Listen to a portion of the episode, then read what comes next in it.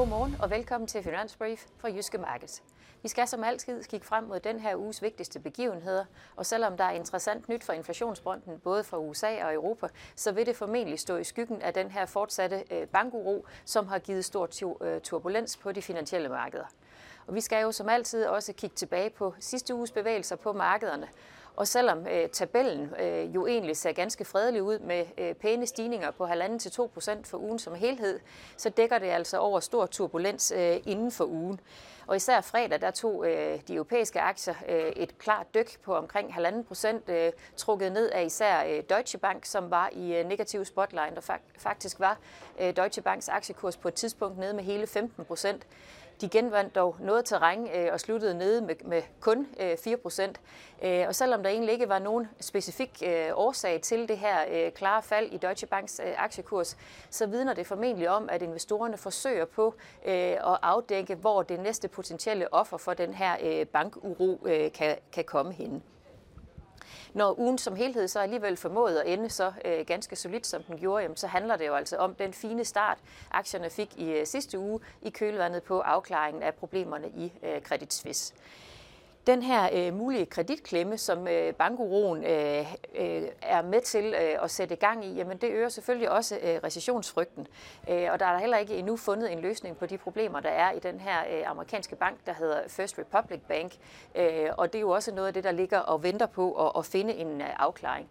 Og kombinationen af, kan man sige, øh, fortsat øh, bankuro og øget recessionsfrygt, var jo også med til i sidste uge at sende især de korte amerikanske og også øh, europæiske renter yderligere ned. Øh, og det vidner jo altså også om, øh, kan man sige, at der er store skift i prisningen af, hvordan øh, centralbankerne kan komme til at agere i den kommende tid. Og det største skift har vi altså set i USA, hvor der ikke længere er priset renteforhøjelser, og tværtimod så ligger markederne nu og indregner, at Fed kan finde på at sætte renten ned med næsten 100 basispoint inden årsskiftet.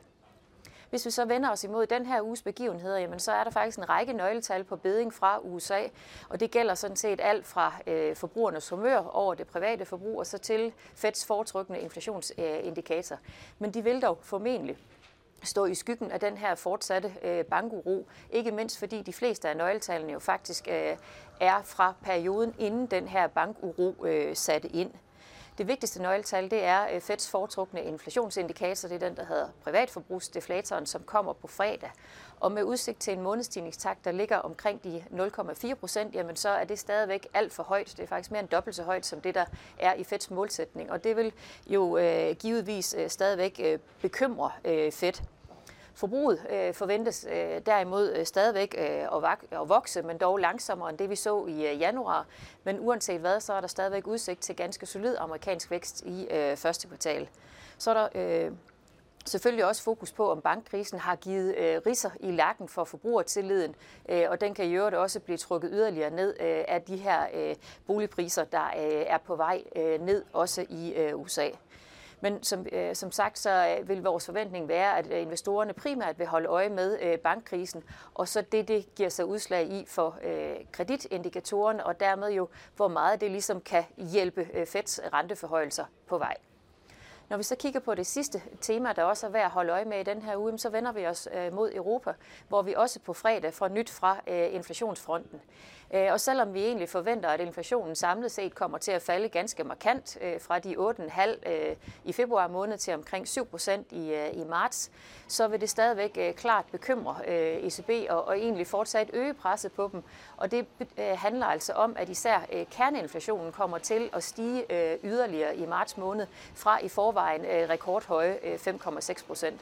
Og det forhold, at vi altså endnu ikke har fået styr på det underliggende inflationspres og begyndt at se, at det tager af, jamen det er altså noget af det, der vil øh, fortsætte med at lægge et klart pres på ECB, for øh, at den her øh, renteskrue skal strammes yderligere.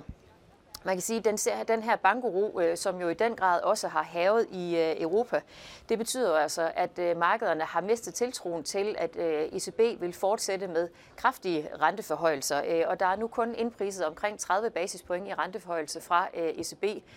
Og rentetoppen, som markederne forventer, den er nu omkring 80 basispoint lavere, end den var bare for, for tre uger siden. Og det handler ikke om, at bankkrisen som sådan fjerner inflationsfrygten, men men øh, snarere at øh, den her øh, kreditklemme, der kan blive et resultat af bankkrisen, øh, jo gør noget af også ECB's arbejde, og samtidig jamen, så er bankuroen jo også med til øh, at øh, øge recessionsfrygten. Det ændrer dog ikke på, øh, at inflation stadigvæk er et, øh, et stort problem, og når bankuroen på et tidspunkt begynder øh, at lægge sig lidt, jamen så kan vi altså også godt se, at der igen kommer større forventninger til, at, at renterne skal op. Og først, første, kan man sige, wake-up call, det kan altså komme på fredag, når vi forventeligt får en stigning i kerneinflationen fra øverområdet. Det var alt, hvad vi havde, været med, havde valgt at tage med i Finansbrief for i dag. Tak fordi du så med.